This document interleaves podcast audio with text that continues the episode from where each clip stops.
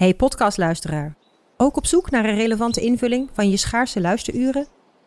Tune dan in op de podcastserie ESG, even samengevat van BNP Paribas. Wij, Marloes en Aldert, spreken daar duurzame voorlopers en wereldverbeteraars. Waarover dan? Nou, bijvoorbeeld of we ooit duurzaam kunnen gaan vliegen. En waarom koeien in de stad nou een goed idee is?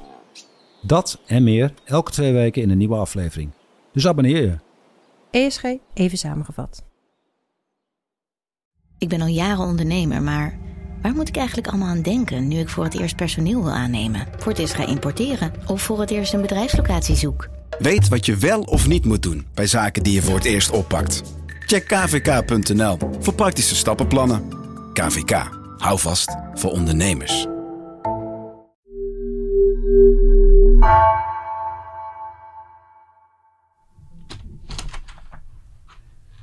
Nou ja, ik denk niet dat je ik kan zeggen als je geen bewustzijn hebt. Toch? Dat... Zou, zou jij Wouter zijn? Nee, maar er kan natuurlijk wel een bewustzijn zijn zonder ik. Ja, zonder, nee, zonder zeker. ego, ja, ja, zonder ja, identiteit. Absoluut. We- Ja. Nee, maar voor mezelf, de toegang tot het bewustzijn, dat, dat, dat zie ik wel meteen als... Als ik geen bewustzijn heb, dan ben ik er ook niet meer.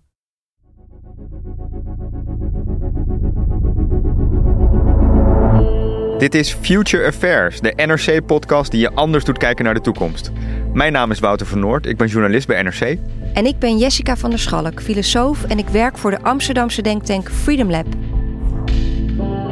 In deze nieuwe serie duiken we in een van de grootste onbeantwoorde vragen uit de moderne wetenschap. De komende vijf afleveringen gaan we op een zoektocht langs het brein, mystieke ervaringen, psychedelica, filosofie, evolutiebiologie en zelfs de kwantumfysica voor een antwoord op de vraag: wat is ons bewustzijn? Hoe kan het dat wij een ervaring hebben? Welkom bij het mysterie van bewustzijn.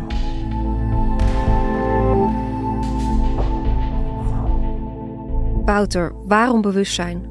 Ja, we duiken er even heel goed in. En dat komt omdat ik me het afgelopen jaar enorm heb verbaasd dat inzichten over deze eeuwige vraag totaal aan het veranderen zijn. Eh, voorheen dacht ik, we zijn er wel zo'n beetje uit. Bewustzijn is eh, een product van stofjes en stroopjes in ons brein, want wij zijn ons brein eh tenslotte. Maar het viel mij op de laatste tijd dat vanuit eh, de evolutiebiologie, vanuit de neurologie, eh, zelfs vanuit de kwantumfysica echt radicaal andere ideeën opborrelen die behoorlijk serieus genomen worden de laatste tijd. En daarom dacht ik, het is goed om dat eens helemaal uit te zoeken. Dus dat heeft ook jouw blik gekanteld op dit vraagstuk. Ja, dat kan je wel zeggen. Het is tegelijkertijd de grootste vraag over onszelf en de kleinste vraag. Hoe kan het dat wij ervaren en wat is de aard van de realiteit en de werkelijkheid? Eh, dus eh, volgens mij is het nu ook een heel belangrijk, relevant onderwerp, omdat nu die inzichten zo aan het veranderen zijn.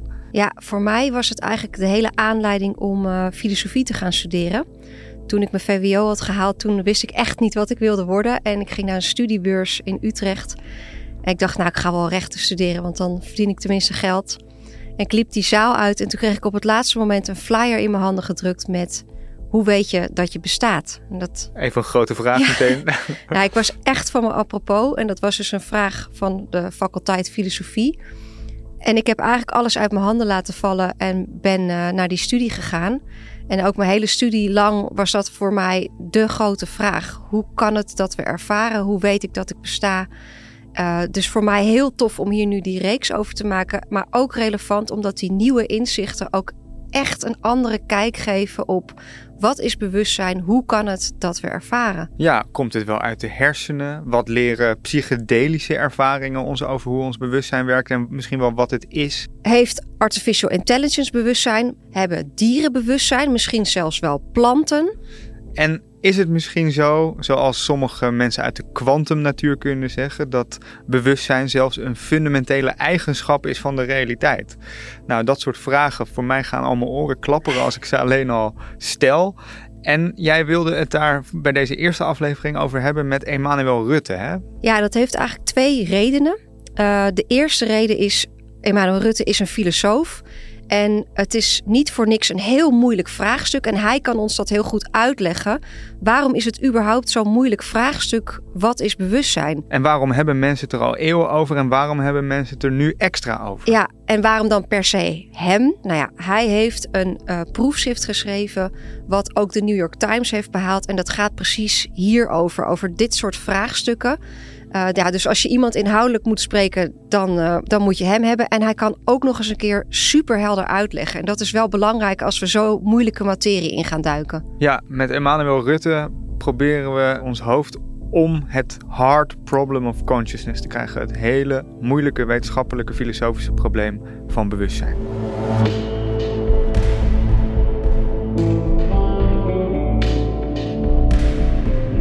Welkom bij aflevering 1, het moeilijke probleem van bewustzijn. Emmanuel, welkom. Dankjewel.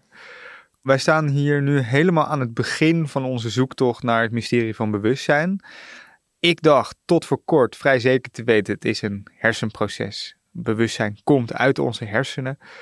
Klopt die opvatting nog wel? Uh, hoe ontwikkelt het denken in de filosofie en in de wetenschap zich de laatste tijd over dat grote vraagstuk van het bewustzijn?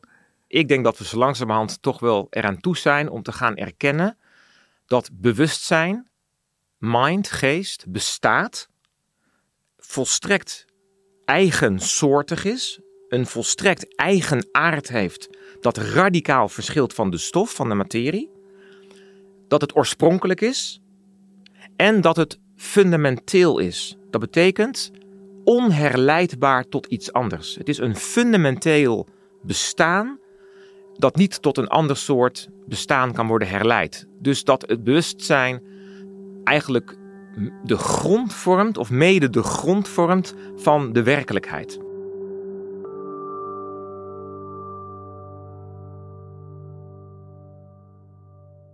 Ja, oké. Je duikt er ook meteen uh, nogal diep in. Uh, bewustzijn als grond van de realiteit. Uh, daar moeten we zo echt nog wel wat dieper op in. Maar laten we bij het begin beginnen. Wat is bewustzijn volgens jou? Waar hebben we het over als we het over deze term hebben? ja, wat is bewustzijn? Het aardige van bewustzijn is dat het iets heel vertrouwds is. Iets wat we allemaal kennen uit onze persoonlijke ervaring.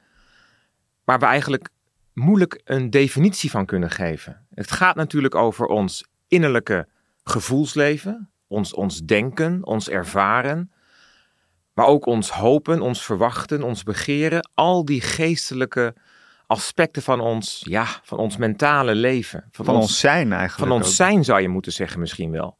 Dus we kunnen het wel schilderen, we kunnen er wel kenmerken van noemen, maar precies aangeven wat het nou is, in een exacte definitie, dat is eigenlijk niet mogelijk. En dat maakt ook onmiddellijk ook duidelijk wat voor een bijzonder fenomeen bewustzijn eigenlijk is. Ja, en, en wat maakt het zo'n bijzonder thema wat jou betreft? Nou ja, het is in feite datgene wat ons het meest nabij is. Het is hetgene wat ons het meest vertrouwd is. We kunnen aan alles twijfelen. We kunnen twijfelen aan het feit dat we een lichaam hebben. We kunnen twijfelen aan het feit of er een buitenwereld is. We kunnen echt overal aan twijfelen. Maar er is één ding. Filosofen kunnen dat vooral heel goed. Uh, filosofen kunnen dat vooral heel goed, klopt. Nee, maar dat kun je zelf natuurlijk ook. Van, uh, dat heb je vast als kind wel eens gehad. Dat je denkt, uh, bestaat de wereld eigenlijk wel? Daar kun je dus aan twijfelen, zeg jij. Ja. Maar aan bewustzijn kun je niet twijfelen. Ja, je kunt aan alles twijfelen, maar behalve het feit, hè, zoals beroemd filosoof Descartes aangegeven heeft, behalve het feit dat je twijfelt, dat je denkt, eh, dat je er bent. Het gevoel van er zijn, aanwezig zijn, het gevoel van denkend te zijn, twijfelend te zijn, dat, die ervaring. Ik denk dus ik ben. Die ervaring kun je eigenlijk gewoon niet betwijfelen.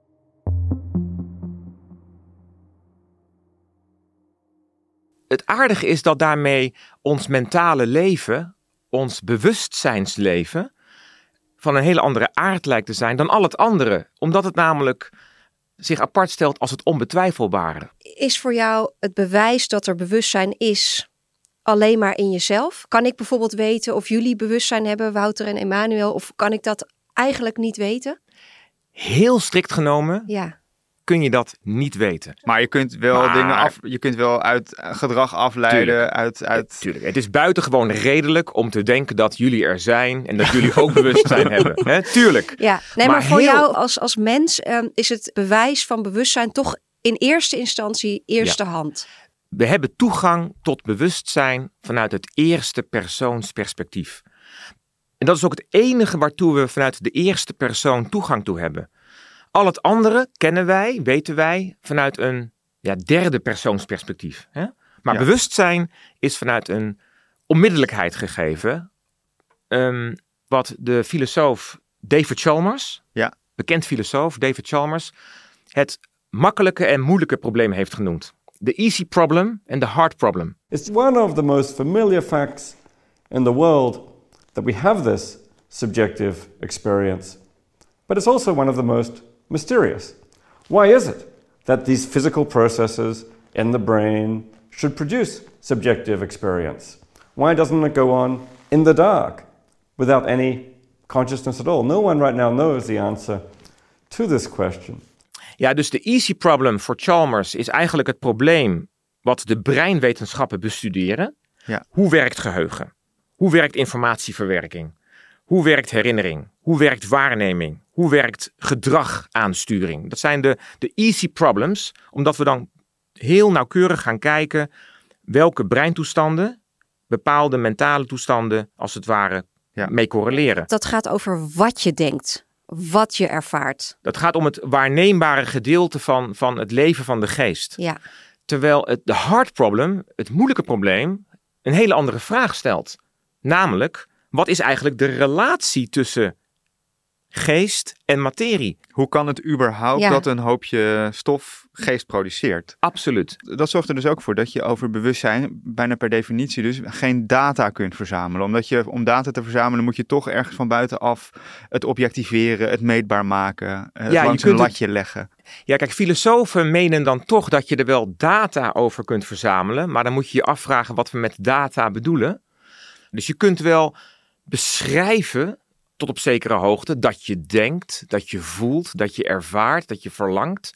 En je kunt ook wel de inhoud van die verlangens en van die ervaringen beschrijven. Het, het blauw zijn van de hemel, de geur van verse koffie, het gevoel van verliefdheid. Je kunt daarover schrijven, Ja. je kunt het onder woorden brengen.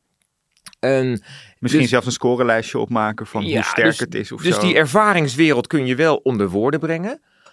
Maar daarmee heb je nog niet aangegeven wat het is.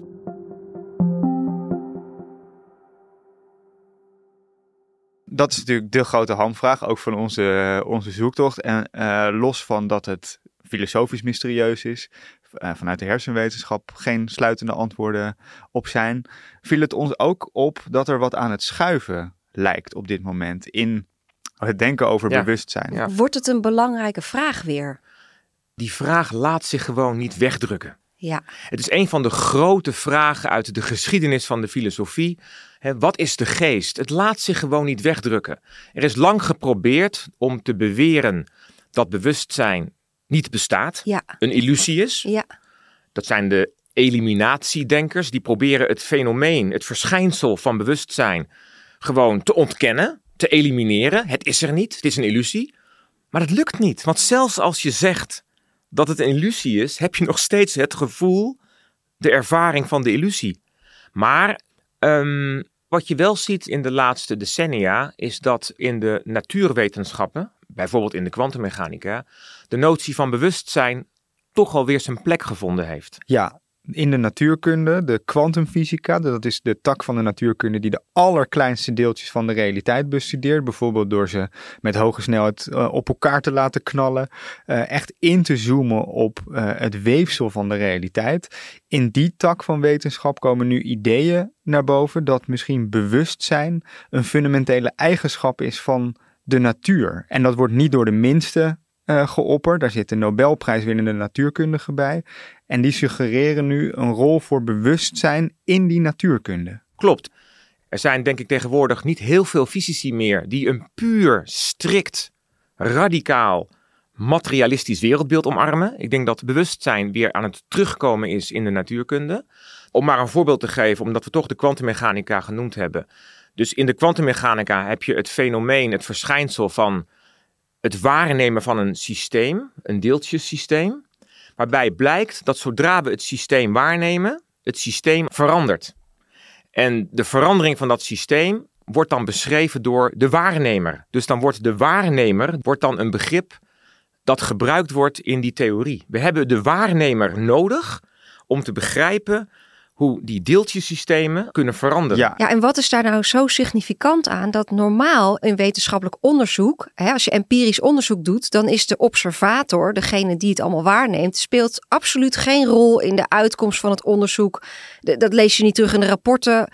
Maar nu, ineens, bij die kwantumfysica, is degene die het observeert, wordt zelf subject van het onderzoek. Zeker. Die wordt het leidend voorwerp samen met wat er wordt bekeken door die lens, wordt het onderwerp van dat onderzoek. Ja. En dat is, ja, dat is natuurlijk heel erg raar. Volgens mij is dat nog nooit gebeurd in de wetenschap op die manier. Absoluut.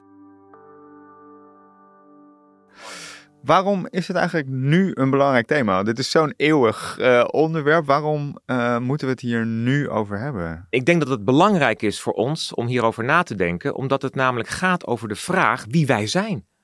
Wie zijn wij? Wat is de mens? We willen onszelf begrijpen. We willen uiteindelijk toch op de een of andere manier eh, proberen te, te begrijpen wie wij zelf zijn. Ja. Zijn wij dan inderdaad puur stoffelijk, puur materieel? Of zijn wij toch iets meer dan dat? Zijn wij toch inderdaad een, ja, een mind, een, een bewustzijn? En kun je voor ons schetsen op welke manieren is er nagedacht over wat bewustzijn is? Je zou kunnen zeggen dat er, dat er globaal zo'n drie verschillende posities zijn. Drie verschillende opvattingen. De eerste positie is de gedachte dat geest, bewustzijn en stof, materie aan elkaar gelijk zijn. Geest is stof. Bewustzijn is materie. Men plaatst een is gelijkteken tussen geest en stof. Het is gewoon hetzelfde. Dus het bewustzijn is een is stroompjes Ja. en pulsjes in je brein. Eh, het gevoel van een ervaring, een gevoel, is gewoon gelijk aan een groepje vurende neuronen. Met hormoontjes en stroompjes en dingetjes. Breintoestanden of hersentoestanden zijn gelijk aan mentale toestanden. En- En ik denk ook dat dit wel een beeld is wat in het dagelijks leven, dat, dat veel mensen dat toch ook denken. Dat, Ja. dat, dat het bewustzijn verklaard is als je de breintoestanden goed in kaart hebt gebracht. Klopt. Wij Dus- zijn ons brein Ja, ik wou Ja. gaan zeggen inderdaad. Precies, ja. hè, Dus, dus wij zijn ons brein. Ja, dat is Eh, positie 1. Ja, of de mens is een machine. Om, Ja. het- om een klassiekere eh, duiding te noemen. Dus dat is het identiteitsdenken. Een tweede opvatting stelt dat geest en stof niet gelijk aan elkaar zijn, maar dat het bewustzijn, de geest, wordt veroorzaakt, wordt geproduceerd door het brein. Dus de materie, de stof, produceert de geest. Ehm, er wordt meestal gesproken over emergentie. Ja, Dit is het emergentiedenken. Moet je even uitleggen hoor. Ja, want het woord emergentie verwijst naar emergeren. En emergeren betekent voortkomen uit. Ontspringen aan, voortkomen uit. Ja. Dus de stof, de materie, laat het bewustzijn ontstaan. Maar het is niet hetzelfde Nee, als het, is niet hetzelfde. Ja. Nee, inderdaad. Bij emergentie krijg je dus een product, een resultaat, dat eigenschappen heeft, Ja. die niet onmiddellijk ook eh, eigenschappen zijn van de veroorzaker. maar het is wel Iets iets, nieuws. iets, iets niet materieels. Dat is wel zo bij het emergentiedenken. Dus je hebt dan materie en daar emergeert iets niet materieels uit. Ja. Oké. Dus uit de stof, uit de materie, Ja. emergeert iets niet stoffelijks, Ja, iets dus in niet die, in, in die stroming zijn er wel twee dingen in de werkelijkheid, namelijk stof en iets niet stoffelijks. Ja. Terwijl bij de eerste positie is er alleen materie. Klopt. Ja. Eh, dus de stof leidt tot iets werkelijk anders Ja. dan de stof. En de derde? De derde is het dualisme. Nou, het dualisme stelt dat geest en materie twee onafhankelijke, op zichzelf bestaande bestaansvormen zijn. Dus geest en stof zijn allebei oorspronkelijk. Zijn allebei twee werkelijk bestaande realiteiten die elkaar weliswaar beïnvloeden. Er is interactie tussen lichaam en geest, maar ze hebben elkaar in strikte zin niet nodig. Ze staan allebei op zichzelf en vinden elkaar. En het, het grote verschil dat met die tweede positie is dan dat geest niet materie nodig heeft om te bestaan. Geest kan in beginsel ook los van de materie bestaan, uh, maar is in de regel, zeker bij de mens, natuurlijk met de materie verbonden. Ja. Uh, maar dat is, no dat is een enorme uitspraak die je daar doet, Ja. omdat het ook uh, direct ook associaties oproept met, als jij zegt lichaam en geest kunnen los van elkaar bestaan, dan kan ons bewustzijn dus los van ons lichaam bestaan. Dat roept ook direct vragen op over wat is leven? Uh, wat gebeurt er na de dood? Dan kom je al snel in dat soort beetje zingevende vragen. Ja, en wie ben uh, ik? terecht. Want ben ik dan, Ja. dan, dan ben ik dan mijn geest of ben ik mijn lichaam? Allemaal van dat soort zingevingsvragen. En verlaten we dan niet het domein van de wetenschap en de filosofie voor het domein van de religie Spiritualiteit, en de ja. spiritualiteit? Nou ja, nadenken over geest en, en stof en de relatie daartussen is in principe nog geen religie of theologie. Het is nog steeds filosofie.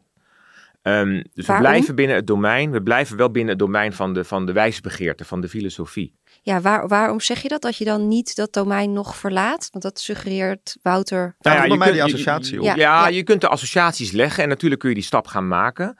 Maar je kunt in principe een dualist zijn zonder dat je onmiddellijk gelooft in een hiernamaals. Ja. Of zonder dat je onmiddellijk in God gelooft. Dat zijn eigenlijk weer andere vragen. Het zijn interpretaties van die positie. Dan, dan maak je eigenlijk weer een, een vervolgstap. Maar zou je wel willen zeggen dat het dualisme wel het sterkst gekoppeld is aan religieuze opvattingen? zeker. Dus, dus, dus het is niet gek, die associatie. Nee, die associatie is zeker niet gek, natuurlijk niet. Maar hij hoeft niet. Maar het is niet noodzakelijk Nee, om gelijk dan daar naartoe te gaan. Ja. Ja. Eh, er zijn goede filosofische redenen om dan inderdaad dualisme te kunnen aanvaarden. Ja. Ja. Dus eigenstandig op zichzelf, maar wel met elkaar in wisselwerking. Ja, Emmanuel, toch heel even een verhelderingsvraag. Als jij het woord geest gebruikt, Mhm. dan heb ik ook meteen allemaal spirituele associaties. Ja, ja, ja. Maar volgens mij is dat niet hoe jij dat in deze context gebruikt, dat woord. Nee, klopt.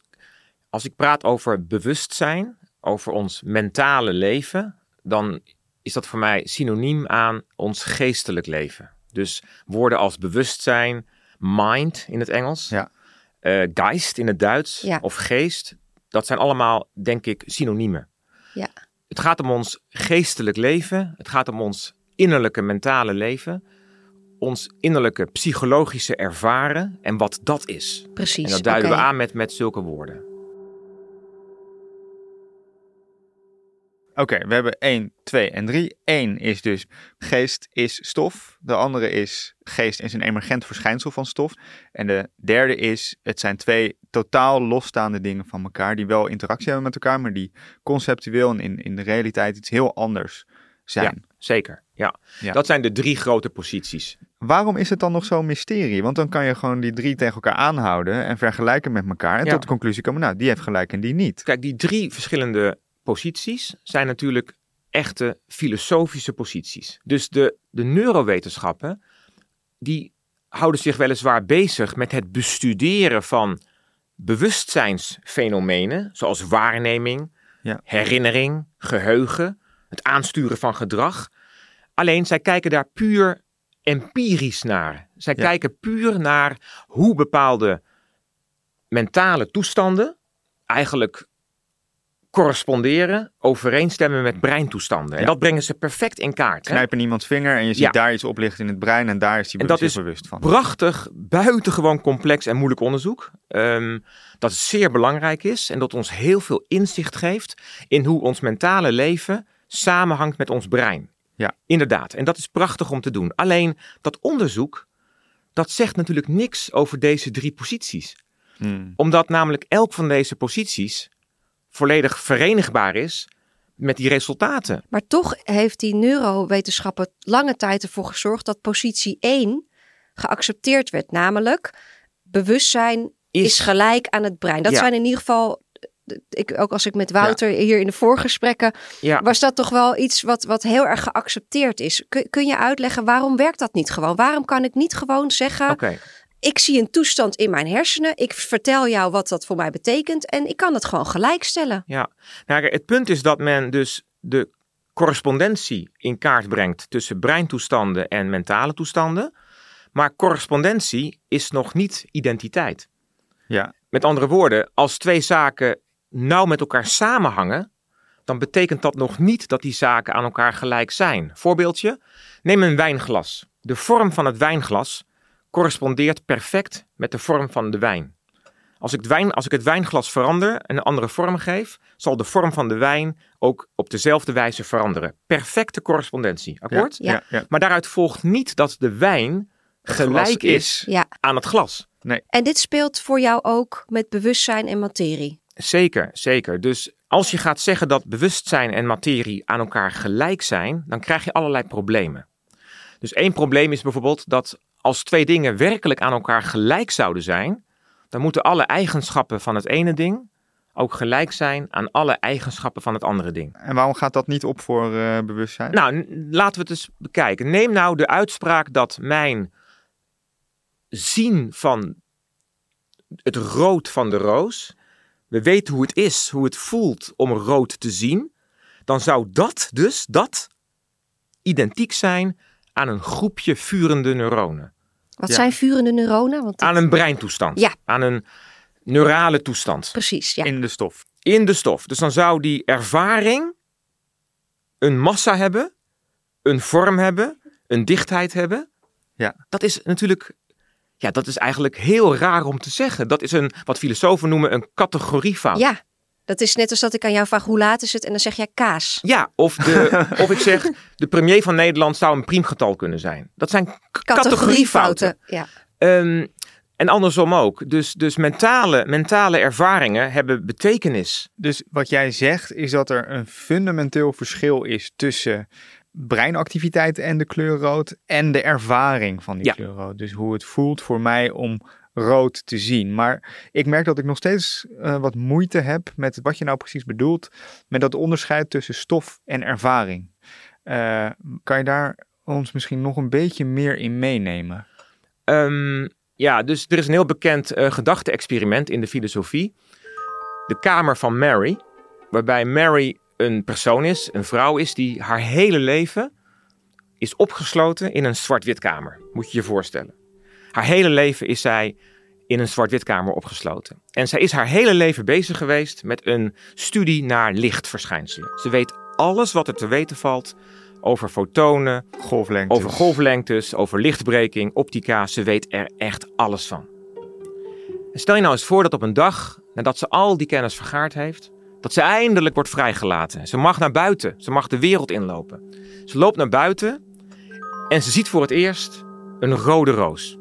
Ze kijkt naar een rode roos en ze ervaart voor het eerst in haar leven wat het is, hoe het voelt om rood te ervaren. Nu, heeft Mary nou iets nieuws geleerd of niet?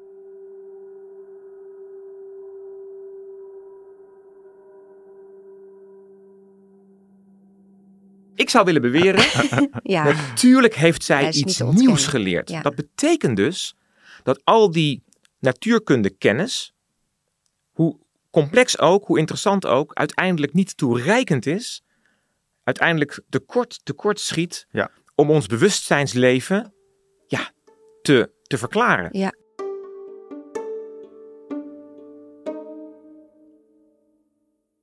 Dus de claim dat wij stof zijn, is zo buitengewoon, gaat zo tegen onze intuïtie in, dat je eigenlijk dus de bewijslast zou moeten leggen bij degene die dat beweren.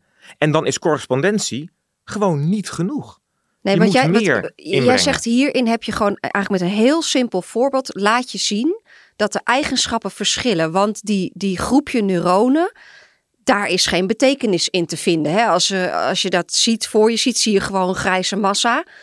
Ja. eh, die inderdaad op een bepaalde manier reageert. Maar nergens in die grijze massa zie je de betekenis die je ervaart. En dan vind ik een roos misschien nog, dat is nog een soort van neutrale plant. Maar als je bijvoorbeeld kijkt naar een trouwring of een foto van je kind. Dan komt daar een heel Zeker. stuk betekenis bij kijken. Die je in dat hoopje deeltjes van de hersenen echt nergens zal terugvinden. Zeker. Nee, absoluut. Dus, dus Ja. ik kan enthousiast zijn, ik kan verlangens voelen, ik kan dingen ervaren, maar mijn neuronen kunnen dat niet. Dus pure identiteit is dus eigenlijk problematisch. Ja. Ja. Maar dat brengt ons wel bij dat tweede model. Precies, dan komen we bij Ja, de, tuurlijk. de emergentie-denkers Ja, uit. zeker, zeker. Want natuurlijk hebben ook eh, filosofen zich dit gerealiseerd. Oké, identiteitsdenken gaat inderdaad iets te ver, maar geen nood. We beweren dat bewustzijn wordt geproduceerd, wordt veroorzaakt door materie. Maar Ja. dan is dat bewustzijn er dus werkelijk. En het is er dan ook op een andere manier van een andere aard dan Ja. de stof. Maar dan is het bewustzijn is dan zoiets als de stoom die door een locomotief wordt uitgestoten. Ja, ja. Het is een Ja. bijproduct. Ja. Het is een ja, emergent En zonder die, die stoommachine was hij er ook nooit geweest. Klopt, klopt. Dus, dus het bewustzijn wordt veroorzaakt door de stof. En dat betekent dus dat het bewustzijn zelf niks kan veroorzaken. Het emergeert, eh, maar het heeft geen Ja, veroorzakingskracht. het heeft, dat, dat zeggen filosofen, het heeft geen oemf. Het is er, het wordt ervaren, je voelt dingen, je ziet dingen, je beleeft dingen. Maar dat bewustzijn, die mind, heeft geen oorzakelijke vermogens. Ja, waarom heeft het dan geen oorzakelijke kracht? Omdat in dit model alle oorzakelijkheid nog altijd bij de stof ligt, bij de materie ja. ligt. Nee, het zijn de neuronen, te- ja, Het zijn de neuronen die hier alles aansturen. ja, Hè? De neuronen sturen jou aan, jouw gedrag. Dat bewustzijn is er wel en neemt wel zaken waar. ja, Maar uiteindelijk ligt de oorzakelijkheid bij de stof. Dus voorbeeld, als jij naar de keuken gaat om een glas water te halen, dan is het gevoel van dorst dat jij hebt daar dus niet de oorzaak van. Als jij een tijger op je af ziet rennen en je voelt angst en je rent weg, dan is de angstervaring dus geen oorzaak voor het wegrennen. Dus die angstervaring is er wel, Ja. je voelt angst. ja. Maar als de emergentiedenkers gelijk hebben, dan betekent dat dus dat jouw angstervaring op geen enkele wijze de oorzaak is van jouw wegrennen. En wat is dan wel de oorzaak van het wegrennen? Die neuronen. Ja, precies. Oké. Of dat ja. als ik jeuk voel en ik krap op mijn arm, dan ga ik ervan uit dat die jeukervaring wel degelijk mede oorzakelijk is. De oorzaak is voor, het het krabben. krabben. Maar je noemt nu nog hele fysieke eh, acties die je onderneemt. Maar ik denk dat het nog moeilijker wordt als het gaat om. Nou, ik ga Emmanuel eens bellen, want ik wil eens een goed gesprek. eh, dus ik ga een afspraak met jou maken en we gaan eten. Dat, die, die hele ervaring waarom ik de telefoon ja. oppak. Want dat is natuurlijk niet een. Re- als je jeuk hebt, kan je nog zeggen, ja, een soort reactie. Maar iemand spontaan opbellen omdat je diegene mist, bijvoorbeeld. Dat, dat heeft dan niks te maken Niets. met, waar, met jouw fysieke Nee, handeling nee, om die telefoon niets, op niets. te pakken. Dus, Zo dus- zit dat. Dus jouw schoolkeuze, dus de keuze voor je partner, Ja. de keuze om te gaan emigreren Ja. naar, ehm, noem maar een land. Al die mentale ervaringen Ja. hebben geen enkele oorzakelijkheid. Dan zeg ik, dit, dit gaat zo ongelooflijk radicaal in tegen, tegen hoe wij onszelf ervaren. Want wij ervaren onszelf als wezens met een mentaal leven waarbij dat mentale leven, die dorstervaring, die angstervaring, wel degelijk oorzakelijk is voor ons gedrag. Dat gaat zo sterk in tegen onze menselijke intuïtie, dat de bewijslast dus komt te liggen bij degene die, die dit menen. Ja, Want waarom zouden we hier dan in meegaan? Kijk, je moet je voorstellen, als we bij de neuronen beginnen, komen we nooit uit bij het betekenisvolle geheel. Dus bij het waarom en de betekenis van het emigreren naar een ander land, of het kiezen van een partner, of het kiezen van een baan. Die stap, zeg maar, is eigenlijk niet te maken.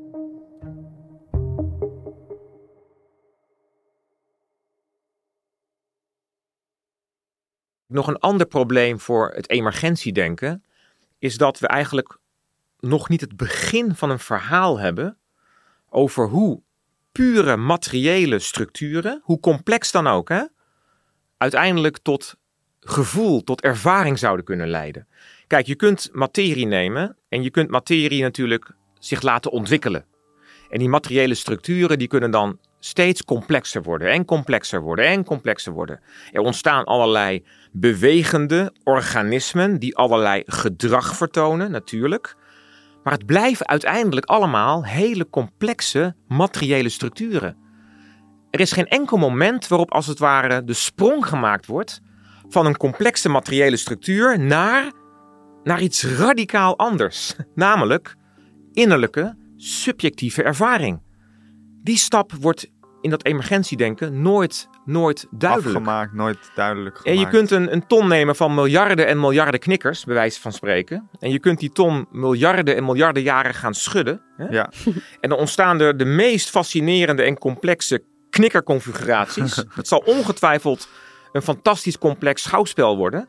Maar er is niks in die ton dat werkelijk een innerlijkheid heeft. Dat werkelijk een binnenwereld heeft. Dat Ja. werkelijk gevoel heeft. Het blijven uiteindelijk gewoon hele complexe knikkerconfiguraties. Ja. En dat is het Ja. probleem van het emergentiedenken. Die stap wordt eigenlijk nooit inzichtelijk. Nou, lekker dan, Emmanuel. Je hebt nu even twee eh, basisaannames over hoe dat dan zit in het, eh, eh, in het brein met bewustzijn onderuit gehaald.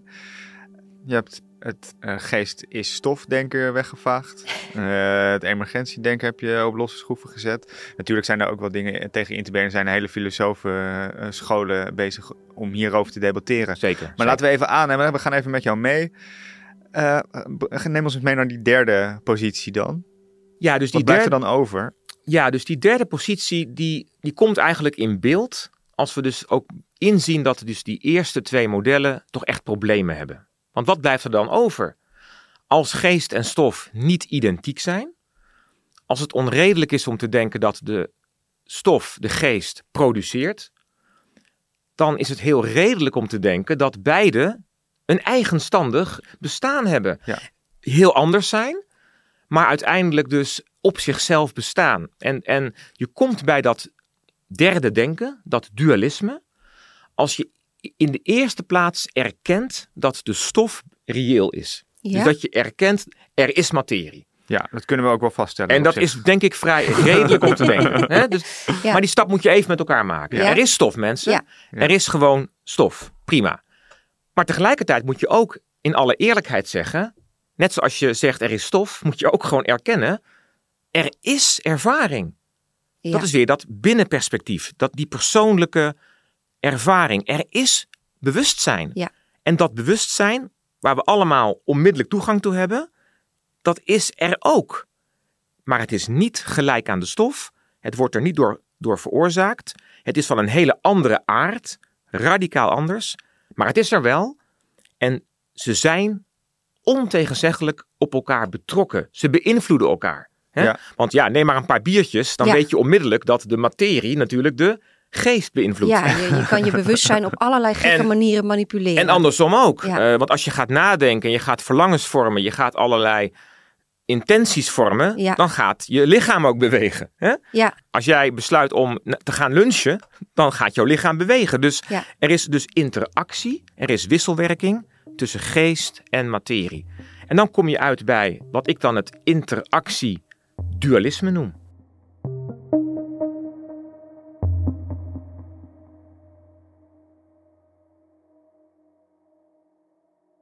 Eh, ik hecht toch ook wel een beetje aan die empirie en aan Ja. wat we dan in de buitenwereld zien, wat die positie van jou, dat interactiedualisme, staaft of meer waarschijnlijk maakt. Of dingen waar, waaruit we kunnen afleiden dat wat jij zegt, Ja. geest en stof zijn andere dingen die wel interactie met elkaar hebben, maar die los kunnen staan van elkaar. Ja. Waar zien we dat nou? Hoe kan ik dat nou toetsen? Ik wil het ook een beetje kunnen Ja. Staven. Dus als die twee posities eigenlijk onhoudbaar zijn, Ja. als er geen hele goede redenen zijn om die stelling te aanvaarden, en de derde positie heeft niet vergelijkbare problemen, dan is de derde positie om die reden alleen al Ja. natuurlijk een redelijke Ja. positie. Maar eh, wat mij de laatste tijd opvalt, is dat eh, een eh, manier van denken over bewustzijn, namelijk het panpsychisme, Oh ja, het idee dat alles om ons heen misschien wel bewustzijn heeft, of Ja. in ieder geval al het leven. Ja. Dat lijkt heel erg in opkomst te zijn. Ja. Eh, wordt serieuzer genomen in de filosofie. Er zijn ook mensen in de ecologie die dat eh, serieus eh, opperen. Er zijn zelfs mensen die behoorlijk serieus worden genomen. Die denken dat zaken zoals planeten een bepaald soort bewustzijn kunnen hebben. Hoe verhouden dat soort ideeën die in opkomst lijken te zijn zich met die positie die jij nu vaststelt als eigenlijk de enige houdbare filosofische positie? ja. Als je uitgaat van dualisme, dan is het niet raar om bewustzijn op meerdere plaatsen te vermoeden. Want als bewustzijn iets op zichzelf bestaans is, Ja. waarom zou het dan alleen met Het de menselijke, brein. met de menselijke eh, materie of met het menselijk brein een interactie aangaan? Waarom zou bewustzijn niet ook een interactie kunnen aangaan met andere materiële structuren? Hè? Ja. Ja. Dus dan is het helemaal niet raar om dan te vermoeden dat bewustzijn op meerdere plekken voorkomt. Nou, natuurlijk weten we al dat in de, uiteraard in de dierenwereld vinden wij ook bewustzijn. meer religieus gezien kun je natuurlijk ook ehm, denken aan een goddelijk bewustzijn. Hè? Dus een, een schepper. Dus dat is ook een, een plek waar je bewustzijn kunt gaan vermoeden. Als je dat gelooft. Als je dat gelooft. Ja. Ehm, jij noemde het panpsychisme. Dus Ja. de gedachte dat eigenlijk alles bezield is. Dat we overal een bewustzijn in zouden kunnen aantreffen. Ja, ik zou dan altijd wel willen vragen. Wat is daarvoor de, de evidentie? Dus waarom zou ik geloven dat mijn mobiele telefoon ook een bewustzijn heeft? Dus, dus mijn, mijn denken daarbij is dat ik niet op voorhand dat wil aannemen. Dus ik moet Ja. daar dan echt redenen voor hebben. Ja, Eigenlijk eh, empirische informatie Ja. Die mij ehm, een reden geeft om te denken dat bijvoorbeeld de aarde bewust is. En ik, Nou- zie, ik zie die redenen niet. Nee, maar het is ook interessant, want dat zet inderdaad de deur open voor allerlei aannames en, eh pardon my French, soms ook echt bullshit. Ja, ja. Ideeën over, eh, nou ja, eh, eh, quantum healings en Ja, andere nee. zaken die toch op zijn minst heel dubieus zijn als je daar bewijs voor probeert te verzamelen. klopt. Ehm, hoe kijk jij daarnaar? Want dit, is, dit, dit denken zet wel de deur open naar ook behoorlijk wat dubieus gedachtegoed. Moeilijk Ja, toetsbaar gedachtegoed. Ja, dus, dus je moet voorzichtig zijn. Hè? Dus mijn uitgangspunt is algemene, diepgewortelde, universele menselijke intuïties moet je alleen willen opgeven als daar hele goede redenen voor zijn. Maar zolang we niet het, het hebben over een algemene, diepgewortelde menselijke intuïtie, wil ik juist redenen horen, wil ik juist evidentie horen waarom het waar zou zijn. Ja. En ik denk niet dat, dat er een algemene, universele, diepgewortelde intuïtie is in, in de mensheid dat de aarde bewust is. Dat denk ik eigenlijk niet. Eh, terwijl we wel die algemene intuïtie hebben ten aanzien van ons eigen leven, ons eigen bewustzijnsleven. Nou, maar is dat wel zo? Want eh, als je kijkt naar de westerse traditie en eh, een beetje de huidige maatschappij, denk ik dat je een heel goed punt kunt maken daarover. Maar als je kijkt naar Oosterse tradities, naar inheemse Amerikaanse tradities, zeker. is het nadenken over de aarde als bewust, Ja. als andere dieren, planten, bomen Mhm. eh, als bewust. Dus zou het niet ook kunnen zijn dat we wat dat betreft, wat, wat aan de beperkte kant nu redeneren en kijken naar dit onderwerp, omdat we gewoon ook geconditioneerd zijn op een hele westerse empirische Nou, verlichting. Ik wil er wel in meegaan. Dus ik, ik wil wel erkennen dat, dat er dus mogelijkheden worden ontsloten. Dus daar, daar kun je naar gaan kijken. Ehm, alleen, nogmaals, ik denk dat het wel een universele menselijke intuïtie is. Dat wij gevoel hebben, dat wij ervaren, dat wij er zijn. Of je nou boeddhist bent Of of, je nou- in het westen bent opgegroeid, dat delen we met Dat z'n delen we met z'n allen. Terwijl dat niet gedeeld wordt. Terwijl de gedachte Ja. bijvoorbeeld hoor, dat de aarde bewust is. Weliswaar in sommige culturen wordt geloofd, prima. Ja. Eh, maar niet een algemene menselijke intuïtie ja, dus dat is is. Nee, voor nee. jou het verschil. Dat is- we, ja, hebben, ja, we ja. hebben het over Ja. iets wat wereldwijd, wie Ja. je ook bent, waar je ook opgegroeid Ja. bent. Iedereen heeft het idee, ik ervaar betekenis. Dus, we hebben dus daar hebben we dus eigenlijk toegang toe, zeg maar. Dat Mm. mag je eigenlijk wel objectief noemen. Maar eh, als ik jou zo hoor, stel jij intuïtie nog boven empirisch weten dus. Ehm, Dat is wel een radicale breuk met wat we gewend zijn nu te doen in de wetenschap, toch? ja, wat ik daarmee bedoel is, ehm, de vraag is waar ligt de bewijslast? Ja. Dus als er werkelijk een, een algemene intuïtie is, die door de eeuwen heen, door alle generaties heen, op alle plekken op aarde, eigenlijk door bijna alle mensen, gedeeld is, universeel is, zoals dat we ons bewust zijn, dan vind ik gewoon dat de bewijslast niet ligt bij degene die op die intuïtie een beroep doet. Hmm. Dan ligt de bewijslast bij degene die zegt, jongens, stop, het, is, een onwaar. Ja, want dat is bijna ook een empirische claim. Hè? Als je empirisch gezien kunt zeggen dat alle mensen dat hebben, dat al, iedereen getuigt dat hij die ervaring heeft, dan is dat ook weer niet zo ver weg van een empirische claim. Nee, je Nee, zou dat gewoon. Dus, dus de gedachte is: buitengewone uitspraken vereisen ook buitengewoon buitengewoon bewijs. Ja. Ja. En, en dat geldt, wat mij betreft, echt voor ons mentale gevoelsleven.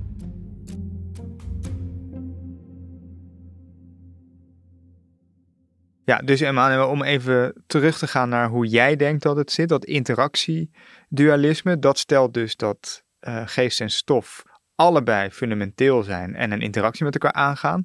Maar wat bedoel je nou met dat iets fundamenteel is Ja. voor die werkelijkheid? Wat betekent dat? Kijk, dus elke wetenschappelijke theorie of elke filosofische theorie over de werkelijkheid moet met bepaalde fundamentele begrippen starten. Je hebt altijd een bepaald kader van concepten of van begrippen van waaruit je je theorie bouwt. Een soort axioma's heb je het Axioma's. Ja. ja. Wat is dat?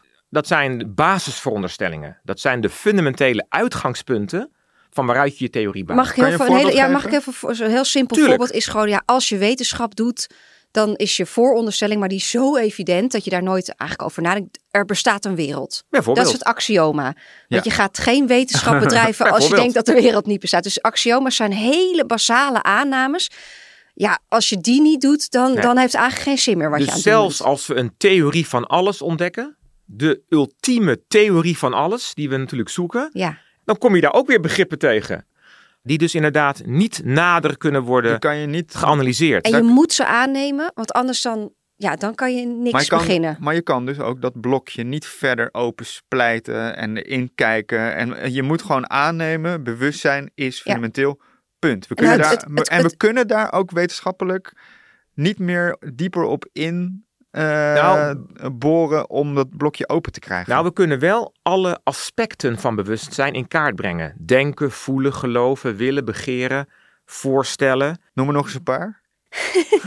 visualiseren. al best een lange lijst. Ja, visualiseren, Ja, ja. hopen, plannen. verwachten, plannen. Ja. Dus we kunnen het wel uiteenleggen. We kunnen het wel beschrijven. Ja. En we kunnen ook heus wel misschien over graden van bewustzijn spreken. Hoog bewustzijn, laag bewustzijn. Je kunt het wel als het ware beschrijven. Maar de aard ervan is puur onherleidbaar. Ja, en een- Niet nader analyseerbaar.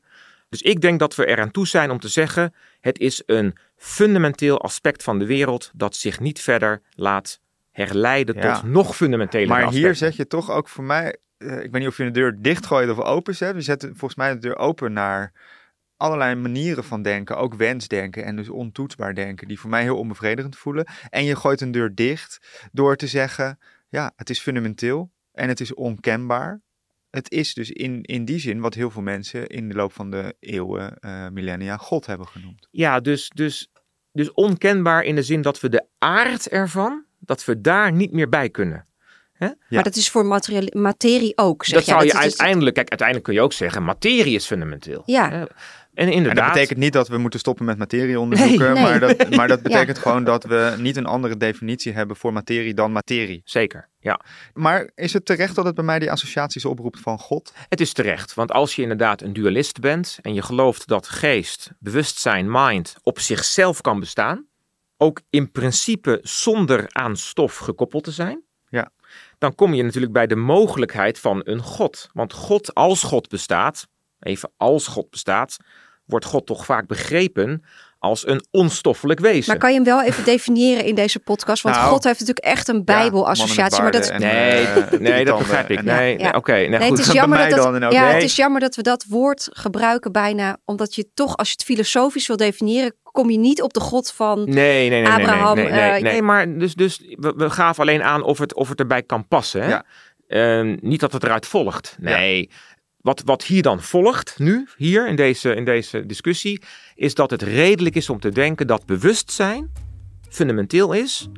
En op de een of andere manier ook de oorsprong is van de werkelijkheid. En Ja. hoe dat bewustzijn er dan op dat niveau uitziet, dat is een tweede.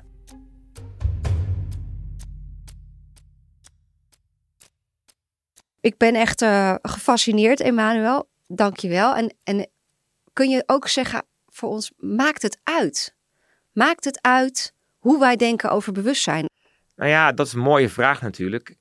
Kijk, als we gaan erkennen dat we uiteindelijk mind zijn, bewustzijn zijn, in plaats van louter stof, dan komt ook het besef weer terug, denk ik, dat we uiteindelijk ook werkelijk verantwoordelijk zijn voor de dingen die we doen.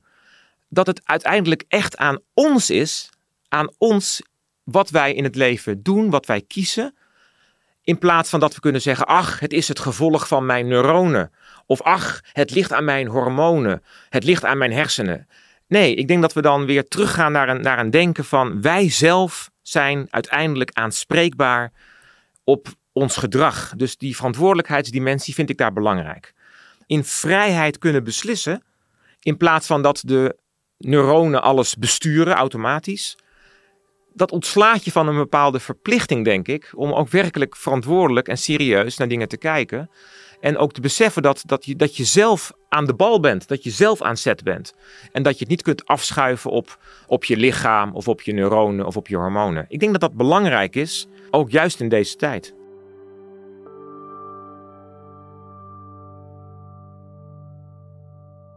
Ja, en toch gaan we in onze podcast nog behoorlijk wat dieper in ook dat brein duiken. Samen Ja. met Cyril Pennerts, hoogleraar eh, eh, neurologie hier aan de UvA. En dat zeg jij ook, het, het brein, dat is evident dat daar ons, ons eigen bewustzijn in ieder geval zich afspeelt. En dat, het is dus in ieder geval interessant ook om daarin te duiken, toch? Of kunnen we dat hele brein weggooien? Nee, en, nee. en vergeten? Nee, nee, want ik ben natuurlijk interactiedualist. Ja.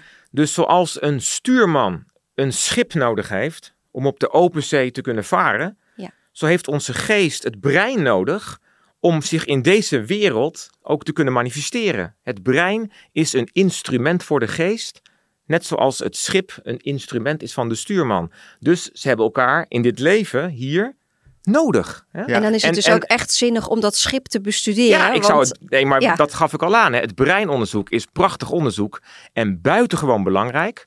Alleen we moeten ons realiseren dat de neurale wetenschappen, dat de neurowetenschappen, de breinwetenschappen, hoewel ze dat allemaal prachtig in kaart brengen, hoe breintoestanden en mentale toestanden zich tot elkaar verhouden, niks zeggen over die drie posities. Ja. Echt niets kunnen zeggen over die drie modellen. Ja. Omdat al die drie modellen ermee verenigbaar zijn. Het is een metafysisch probleem. Hè? Een metafysisch probleem dat zich als het ware op een ander niveau bevindt. Gaat Ja. dat ooit de filosofie verlaten? Ik denk dat deze vraag, de vraag naar de aard van bewustzijn, altijd een vraag zal blijven binnen de filosofie. Omdat ehm, de breinwetenschappen zich er natuurlijk mee bezighouden en proberen om inderdaad precies na te gaan hoe die breintoestanden en die mentale toestanden, hoe die samenhangen. En dat blijft nodig. En dat is gewoon empirisch onderzoek. Dat is gewoon iets wat je ook moet meten in het brein. Hè? En die andere vraag, wat is überhaupt bewustzijn? En wat is überhaupt materie? En hoe is de relatie tussen die twee op dat niveau? Ja, dat is natuurlijk een, een echte filosofische vraag, een, een metafysische vraag. En die vraag, die zal er ook altijd zijn, maar dan wel binnen de filosofie. En die vragen, die zullen ook altijd elkaar wel kunnen inspireren en beïnvloeden. Maar het gaat echt om twee, ja, totaal verschillende vragen, zou ik zeggen. Het behoort, zou ik willen zeggen, tot de eeuwige filosofie. De grote vragen Ja. waar we al duizenden jaren over spreken. En waar we denk ik nog wel een tijdje over zullen blijven spreken. Nou, ja. dan zal nog wel een tijdje een mysterie blijven, ook, Ja. eh, vrees ik. eh.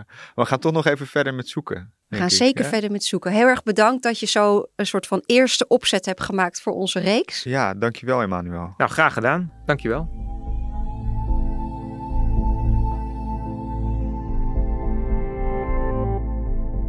Nou, jij zei Emmanuel is de studio uit. Zijn we nou dichterbij of verder af komen te staan op, op een antwoord op de vraag wat bewustzijn nou is? Ik denk wat bewustzijn is, dat heeft hij fijn geschetst. Eh, onze zoektocht, zeg maar. Ja, daar moeten we echt. is. ja, dat, dat grote probleem hebben we zeker niet opgelost. Ehm, maar wat hij wel voor ons heeft gedaan, echt, is hoe kun je erover nadenken. Ik was vanuit mijn studie daar wel meer bekend mee dan jij. Dus ik ben ook wel benieuwd naar of jij nou het gevoel hebt dat je beter kunt nadenken over dit vraagstuk. Ja, dat denk ik wel. In ieder geval heb ik een soort nieuw meetlatje in mijn hand gekregen. waarmee ik ook kan luisteren naar wat die andere wetenschappers mij te vertellen hebben over dat bewustzijn. Eh, de volgende keer gaan we het eh, eh, over bewustzijn hebben met Cyril Penarts, een hoogleraar neurowetenschappen. Dus die kijkt echt naar dat brein. Echt naar die materie. Dus we hebben nu ook wat eh, kritische vragen in onze achterzak om eh, die benadering, denk ik, ook eh, eh, echt wel een beetje proberen te fileren of af te pellen samen met Cyril. Dus ik ben benieuwd of dat gaat lukken. Ja, zeker. En ik zou ook de luisteraar aanraden om die drie posities en de problemen die daarbij komen kijken in dus materialisme, emergentiedenken en dualisme. je. Ja, onthoud die en hou dat in je achterhoofd als je hun hoort praten en hun oplossingen hoort. Want dat maakt het eigenlijk veel spannender om te eh, horen ja, waar ze nou mee komen. ja, en het maakt het mysterie vooralsnog voor mij groter, merk ik. Klopt. Bedankt dat je luisterde naar Future Affairs. Dit is een podcast van NRC. De redactie en productie is gedaan door Ruben Pest.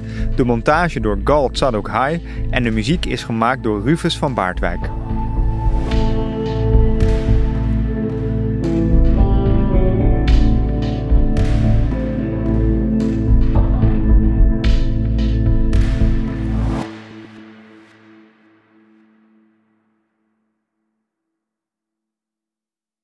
Technologie lijkt tegenwoordig het antwoord op iedere uitdaging.